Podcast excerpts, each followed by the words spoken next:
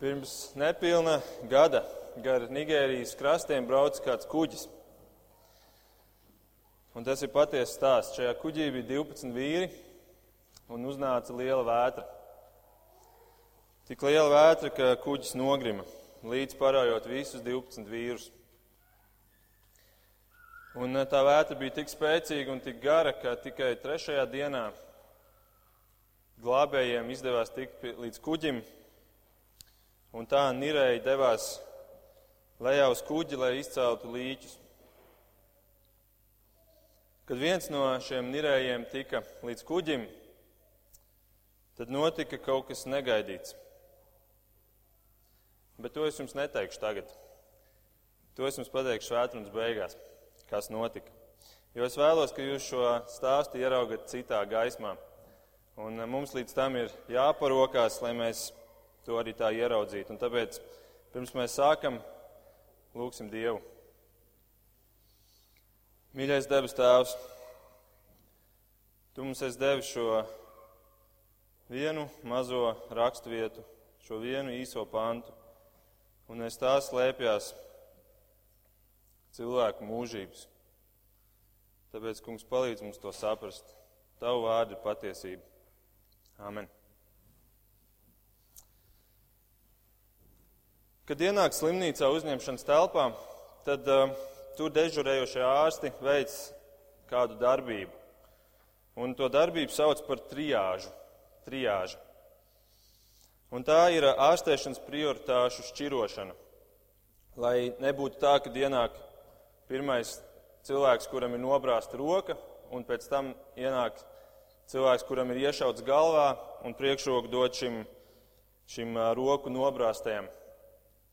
Un tāpēc tiek veikta triāža un tiek virzīti tie, kuriem ir smagākais stāvoklis, kuriem ir augstākā prioritāte. Un tas, ko es šodien vēlos veikt, ir tādu īsu doktrīnu, jeb Bībeles mācību triāžu.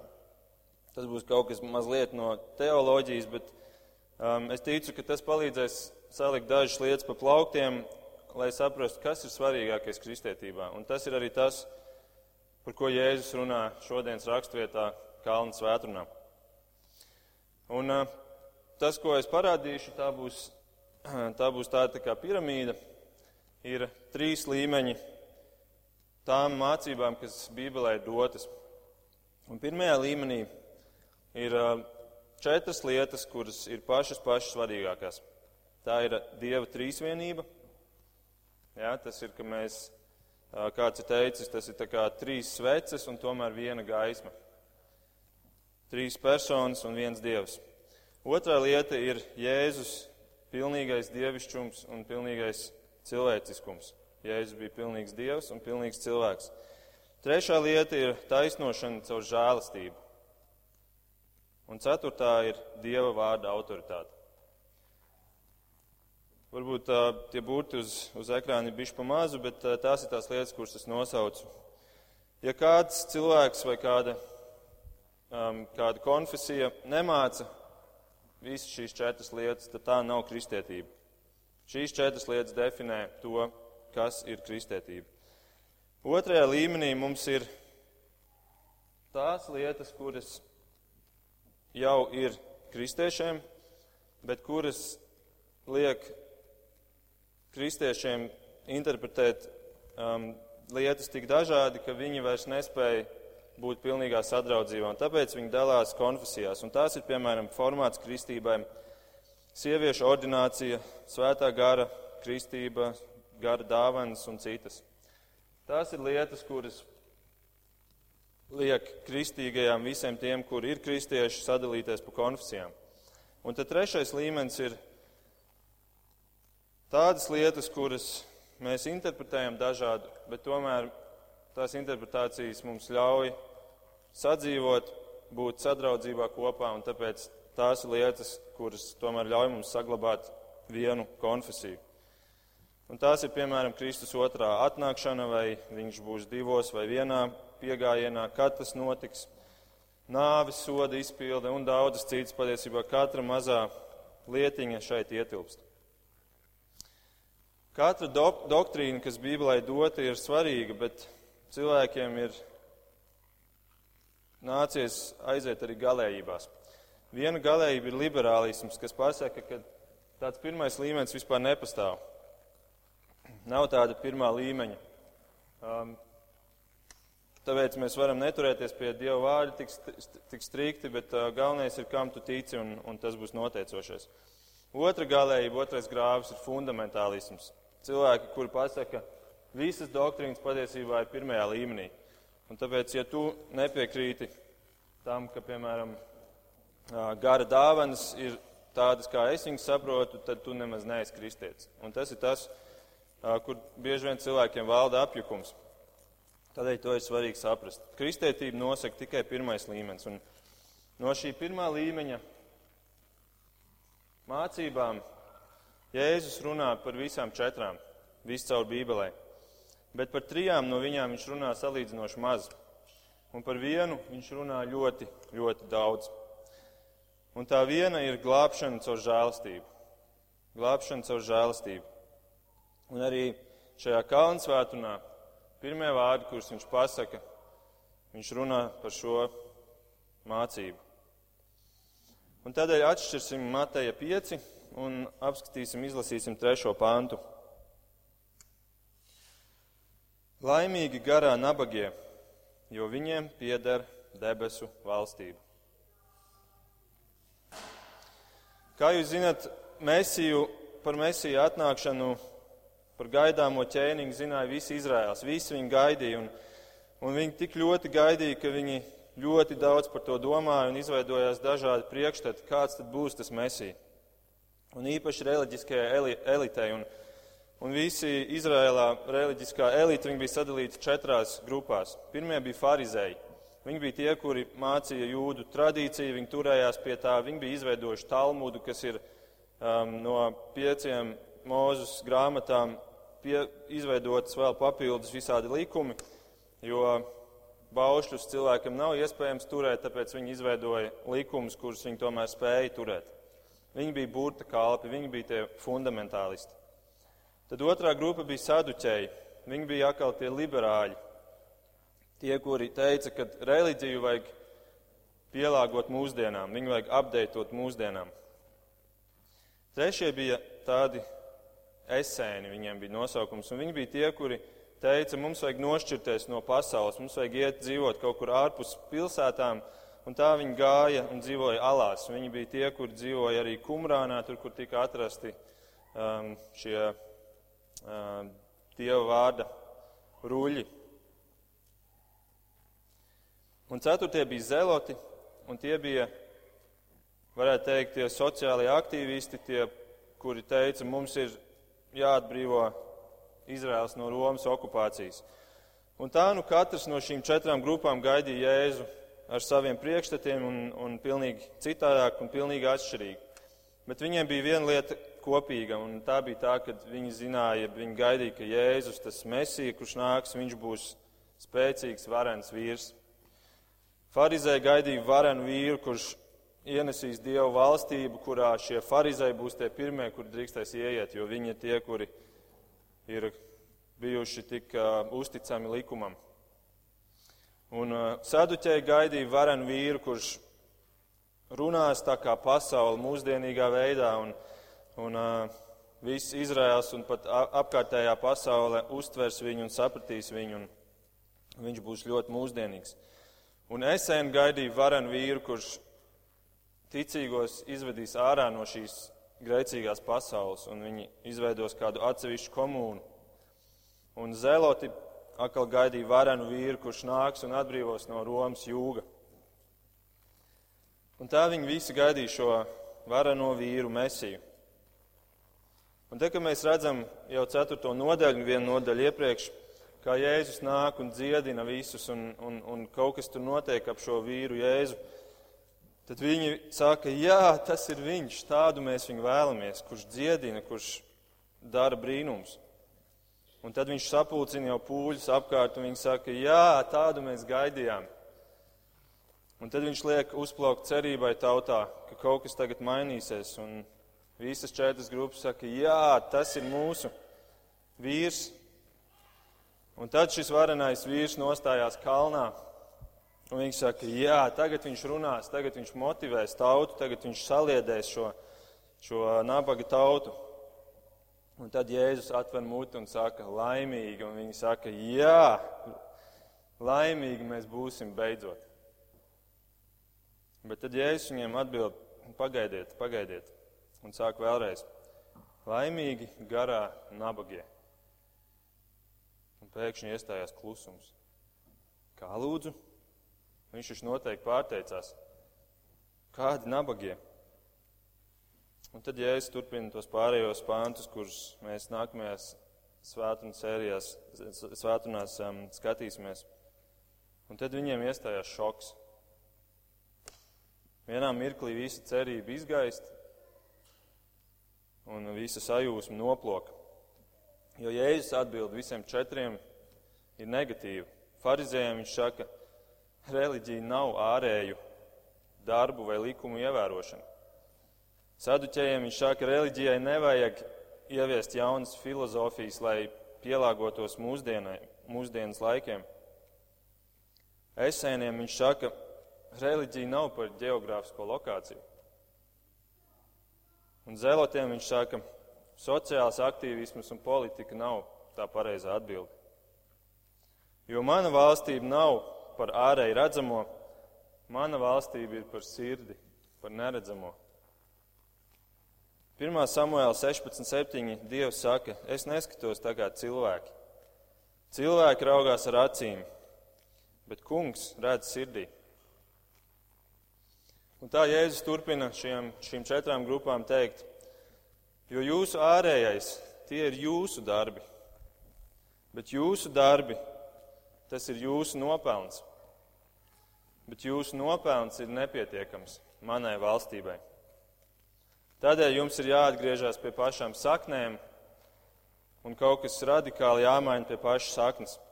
Un tāpēc viņš farizējiem Nikodēmam saka, tevi nevis kaut kas vēl jāuzlabo, lai tu iegūtu glābšanu, tā kā tu domā Nikodēm, bet tev ir jāpiedzimst no jauna, pilnīgi no jauna.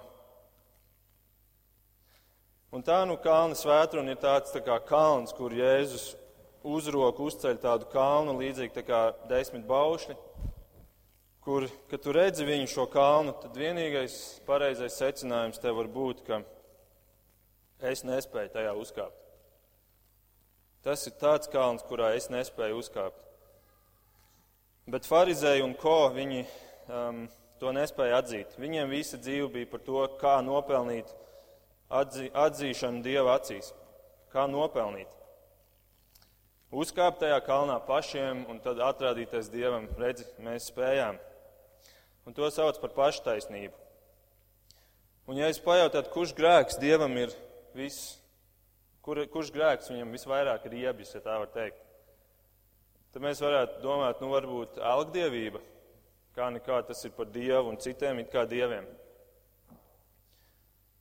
Varbūt laulības pārkāpšana, Jo interesanti, kad lāsi bībeli, tu redzi, cik daudz īstenībā Jēzus runā par to, kā viņam riebjās, kad tu pārkāp laulību.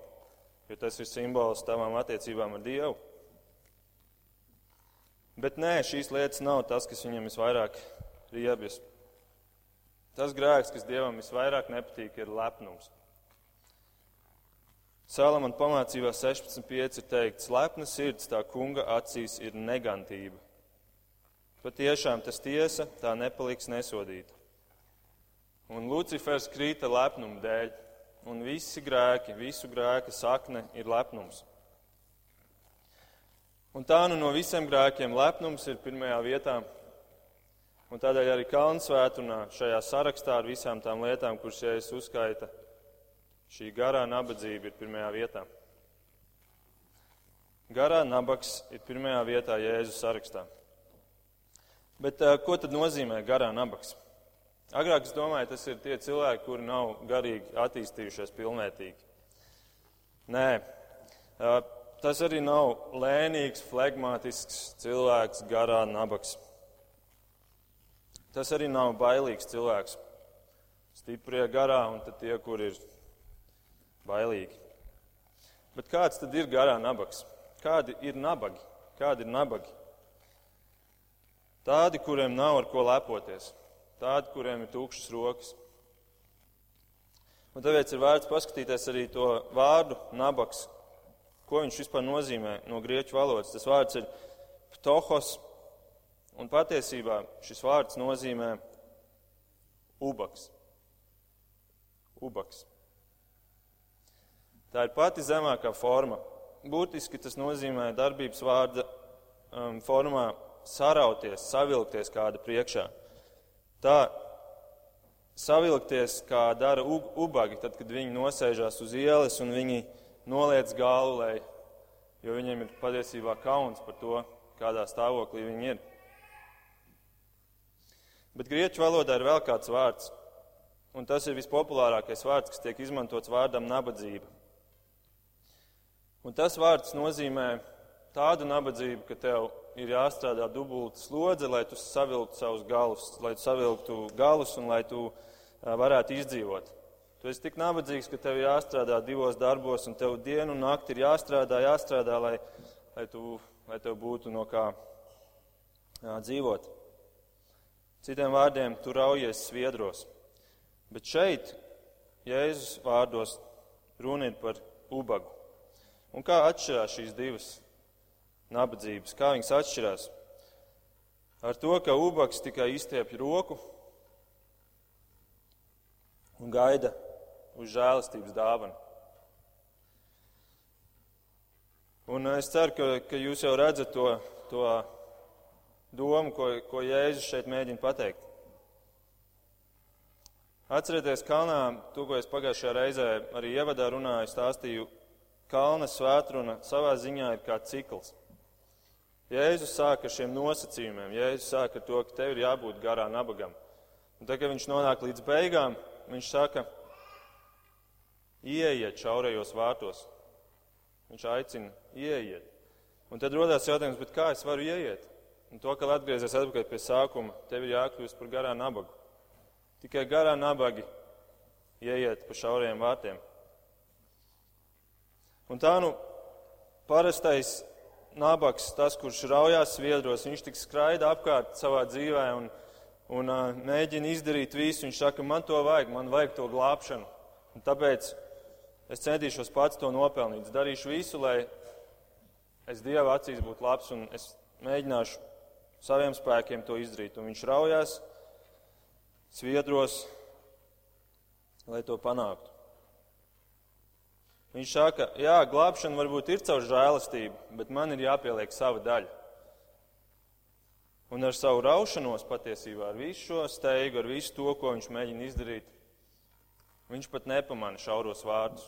Viņš tik ātri dzīvo, viņš nepamana pat šauros vārdus. Bet ubaks izdara pretējo. Viņš saka, man to vajag, bet es to nespēju. Bet man to vajag bet es to nespēju.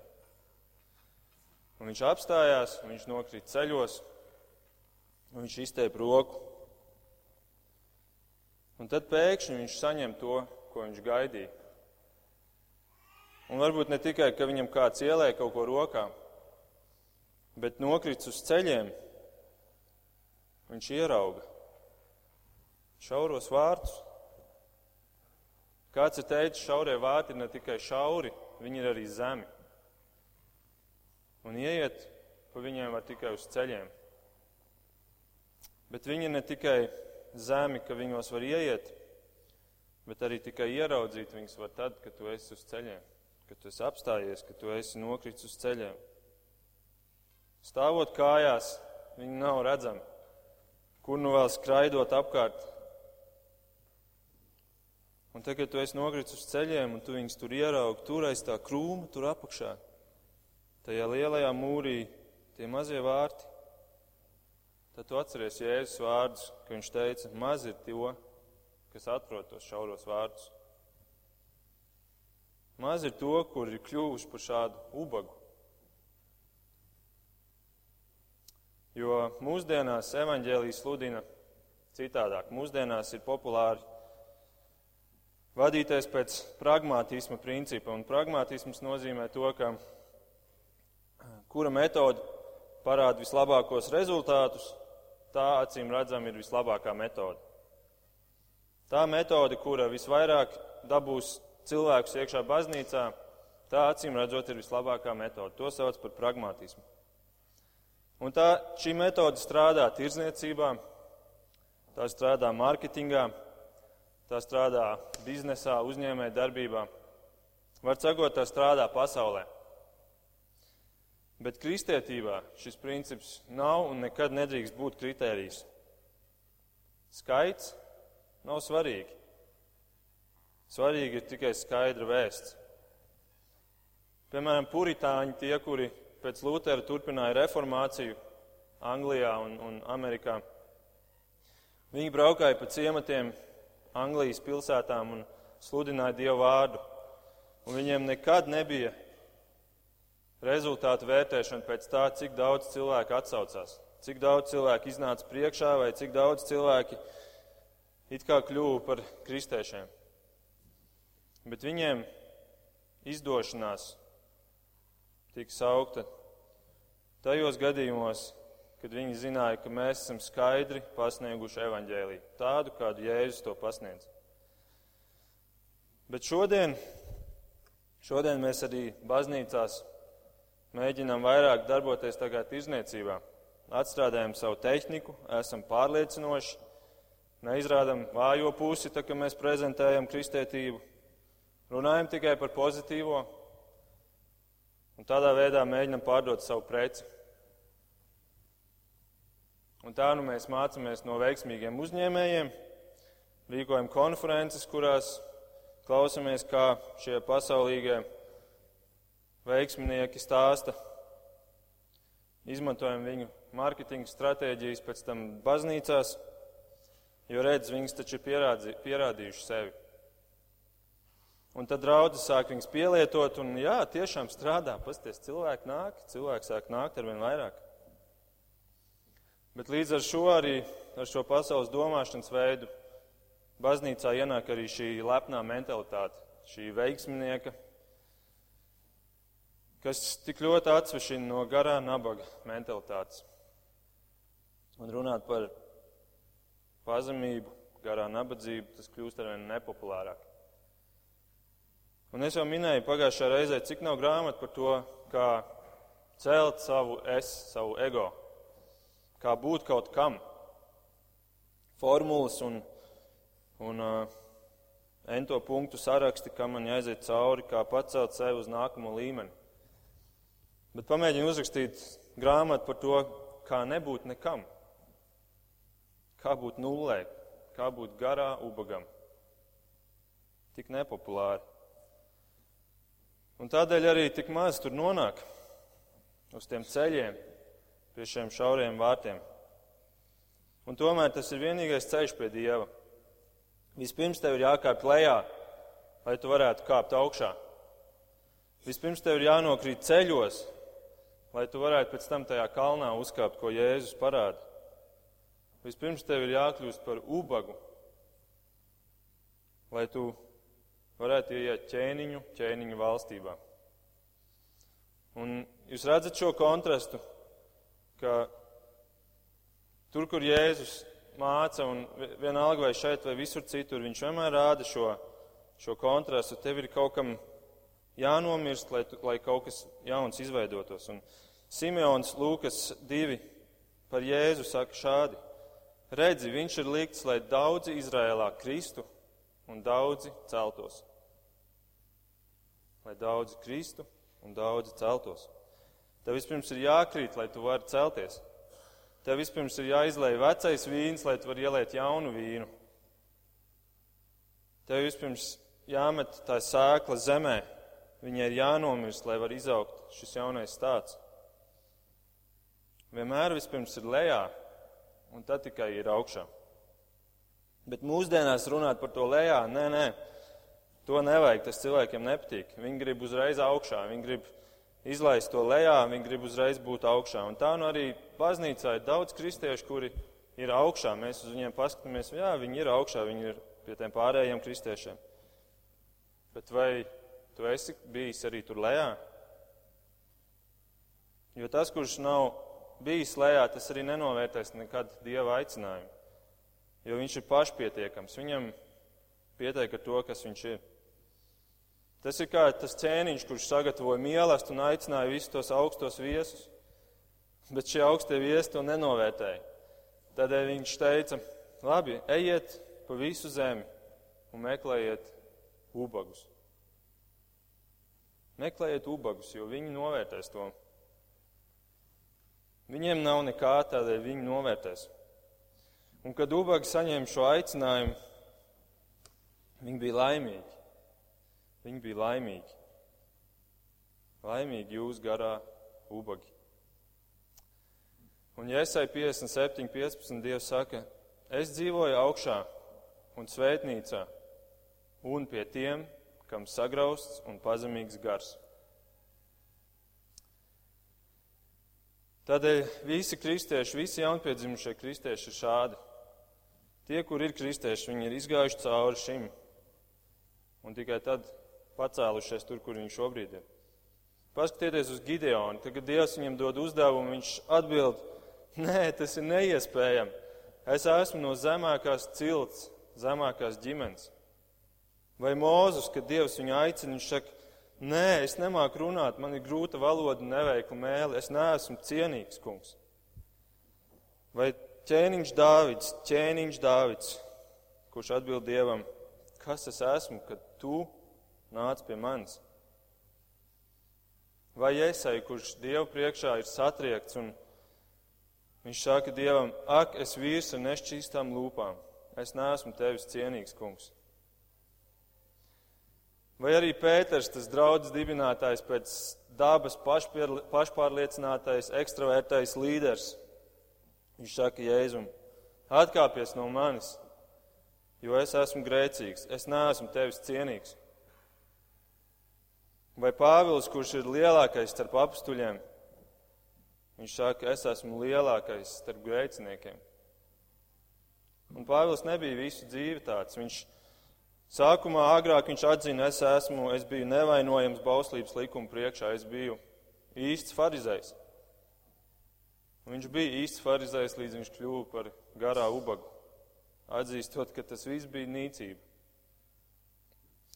Bet visvairāk no šiem visiem, par kuriem mēs varam lasīt, to parādīja pats Jēzus.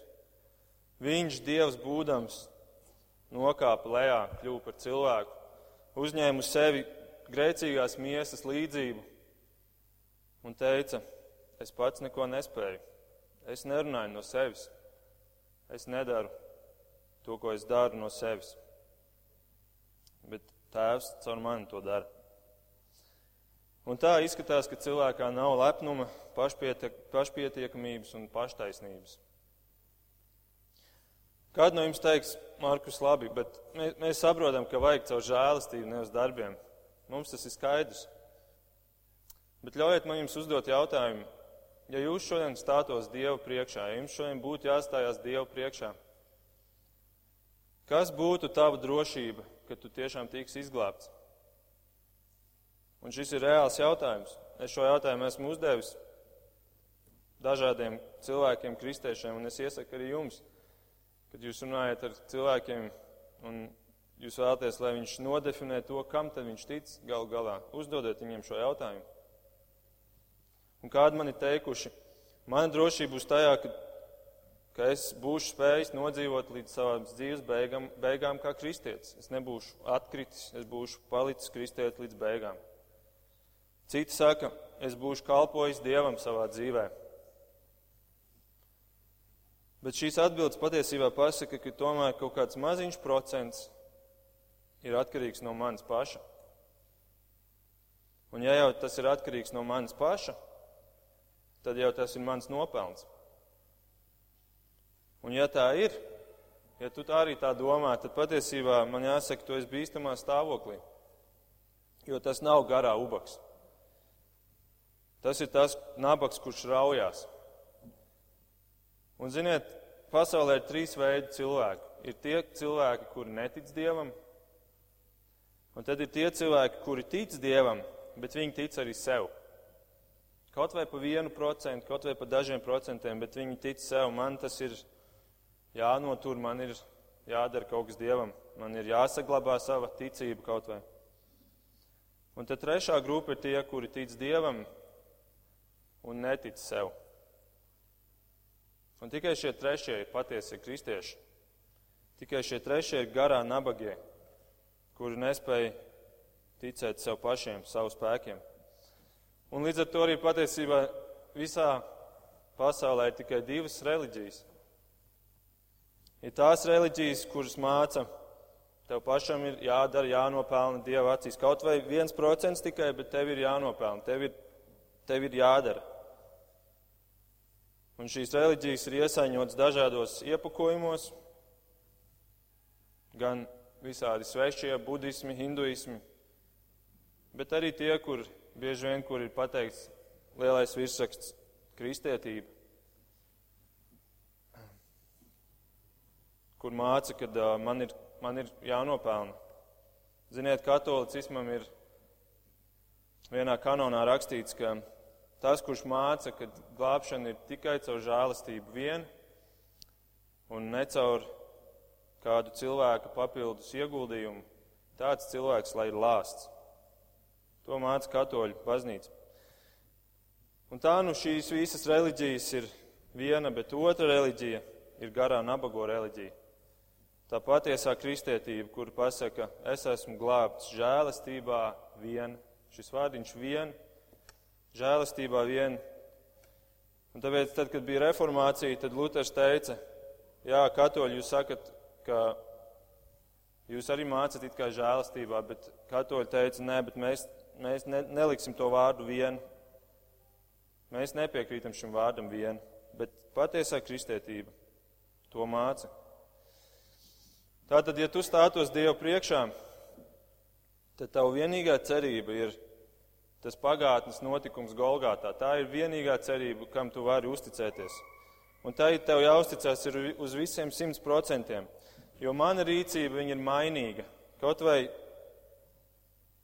tas viens procents. Tādēļ es nepaļaušos pat uz to. Bet šis notikums pagātnē, kad Kristus nomira, tas ir nemainīgs. To neviens vairs nevar atcelt. Un tāpēc man ir visai cerībai, visai, visiem simt procentiem jābūt uz to. Labi, tad kā mēs varam kļūt par garā ubagu? Un es vēlos īpaši adresēt šo jums, kur esat otrās, trešās, ceturtās paudzes kristieši. Jo pirmās paudzes kristieši, viņi zina, no kā viņi ir atgriezušies. Viņi ir redzējuši to grēku savā dzīvē, un viņi zina, no kā es esmu atgriezies. Bet mēs, kur esam uzauguši kristīgās ģimenēs, mēs esam uzauguši bieži vien tādā kā siltumnīcā. Un, un ja mēs runājam par grēku nožēlu, mēs pat īsti nezinām reizēm, kādu grēku es taču neko neesmu patiesībā darījis. Tādēļ jautājums, kā kļūt par garā nabagu? Pirmkārt, jautājums tad ir jāuzdod, kas tad ir tas, kas garā nabagu nostumj uz tiem ceļiem? Un atbildi ir tā ir grēka nasta. Tādēļ atzīst savu grēcīgumu.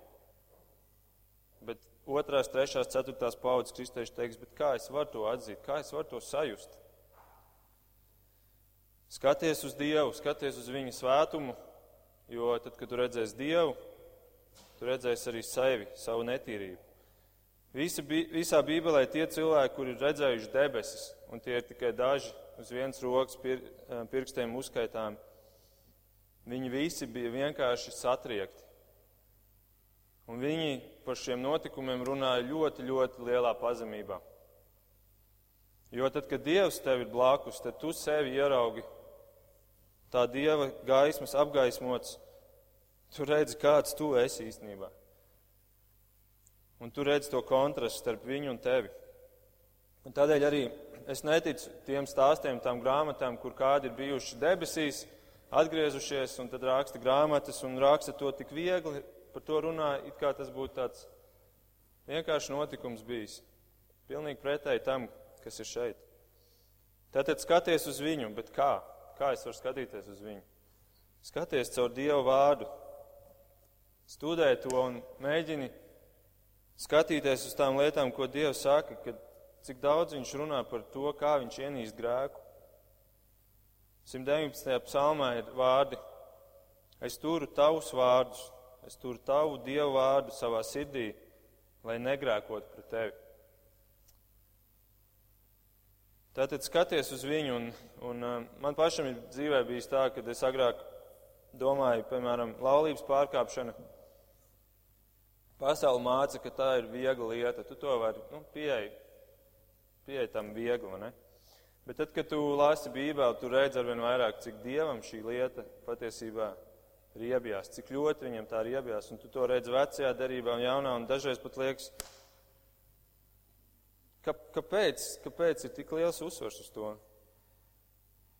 Un man tas ir devis, man tas ir iemācījis tieši arī par šo grēka formu, kad cik uzmanīgiem ir jābūt. Un, un tāpēc studēt Dievu vārdu, un tu redzēsi tās lietas, kurām Dievs liek uzsvaru.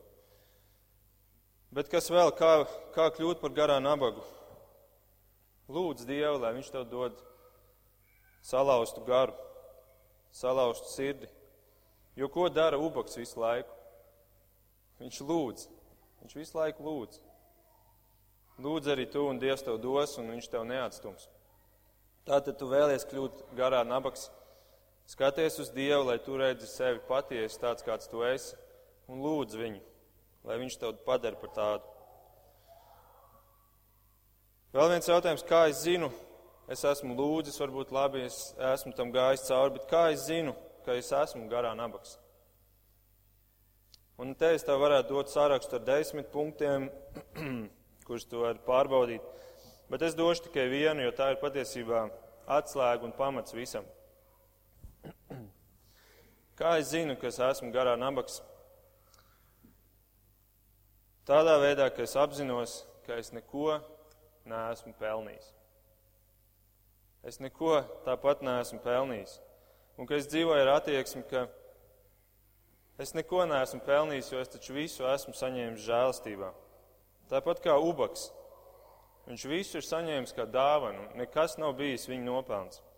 Tad kā es vēl varu teikt dzīvē cauri ejot, ka es būtu pelnījis to vai pelnījis šito, es būtu pelnījis no cilvēkiem uzmanību vai pelnījis atvainošanos? Es neesmu neko pelnījis. Un šī attieksme nozīmē, ka tevī nomirst tavs es. Un tas kļūst pēc tam redzams arī tavos darbos. Labi, pēdējais jautājums. Ko Jēzus saka, kādēļ garā nabagi ir laimīgi? Kādēļ? Trešajā pantā mēs lasām, jo viņiem pieder debesu valstība. Bet kas tad ir debesu valstība? Kas ir debesu valstība? Patiesībā tas ir tieši tas pats, kas Dieva valstība. Tikai Matejs, kā jau es arī iepriekš esmu minējis, viņš raksta jūdiem, un jūdi nedrīkstēja lietot vārdu Dievs. Tādēļ viņi vienmēr lietoja, tādēļ Matejs vienmēr lietoja Dieva debesu valstību. Bet tas ir tas pats, kas Dieva valstība. Bet kas tad ir Dieva valstība? Ja jums kāds jautātu, kas ir Dieva valstība, ko jūs teiktu?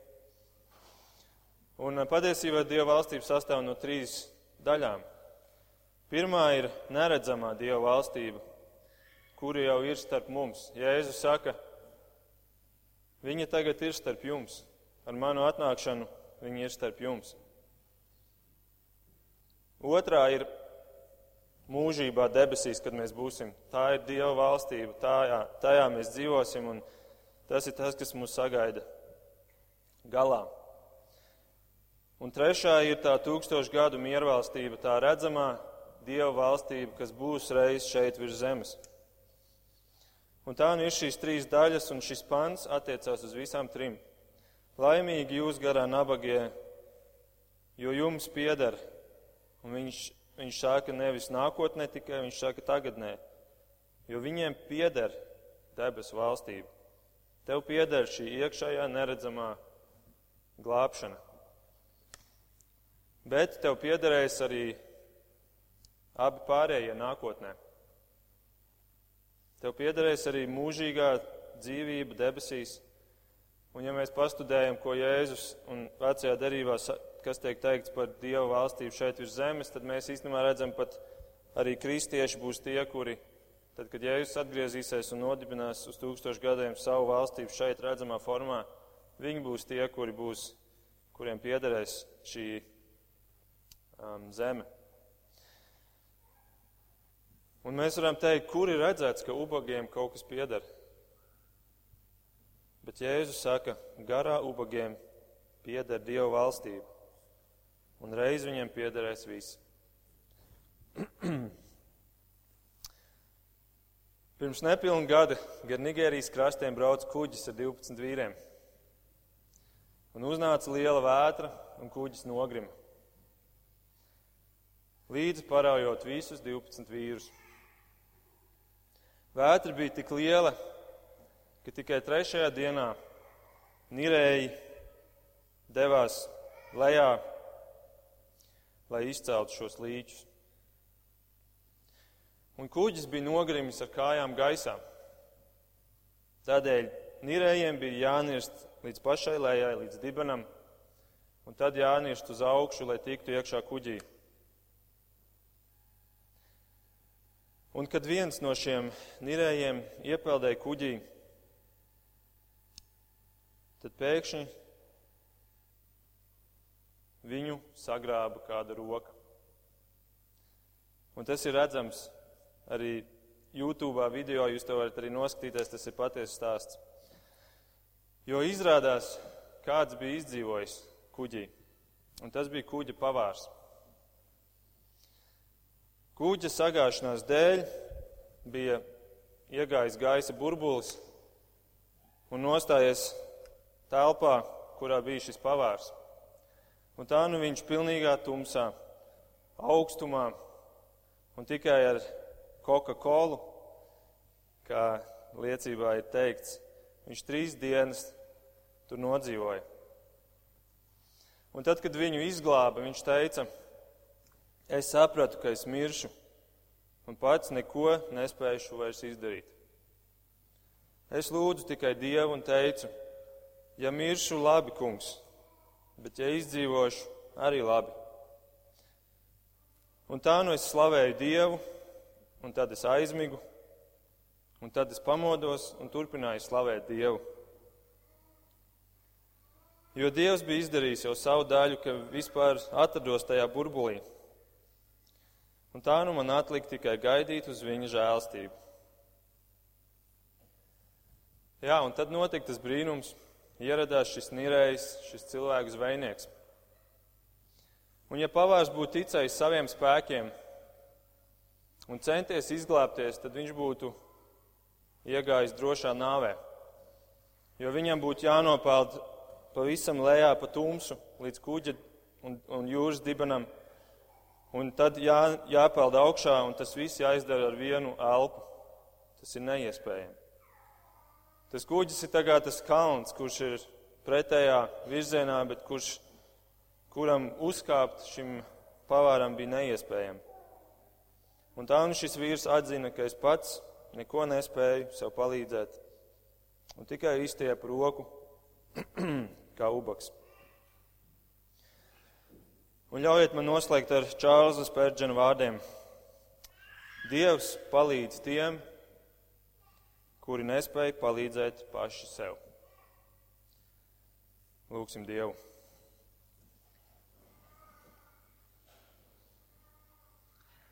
Mīļais debes Tēvs, Kungs, paldies, ka tava, tavs domāšanas veids ir tik atšķirīgs no mūsējām. Paldies, ka tavs vārds, Kungs, to atklāja. Un Kungs lūdzu dod un uzrunā, kungs, katru no tiem, kuri lasa un dzird šos vārdus, kungs, ka viņi ilgotos būt garā nabagi. Un lai katrs, kuram tu nostātos priekšā, kungs, un uzdot jautājumu, vai tu neesi redzējis, kur ir tas garā nabaks, ka katrs no viņiem atbildētu, es tas esmu. Kungs lūdzu uzrunā katru un, un uh, paldies Tev par to milzīgo žēlstību, Kungs, ka Tu visu simts procentus, ka Tu visu glābšanu esi mums devis, Kungs. Lai Tev slavu un pateicību par to. Amen.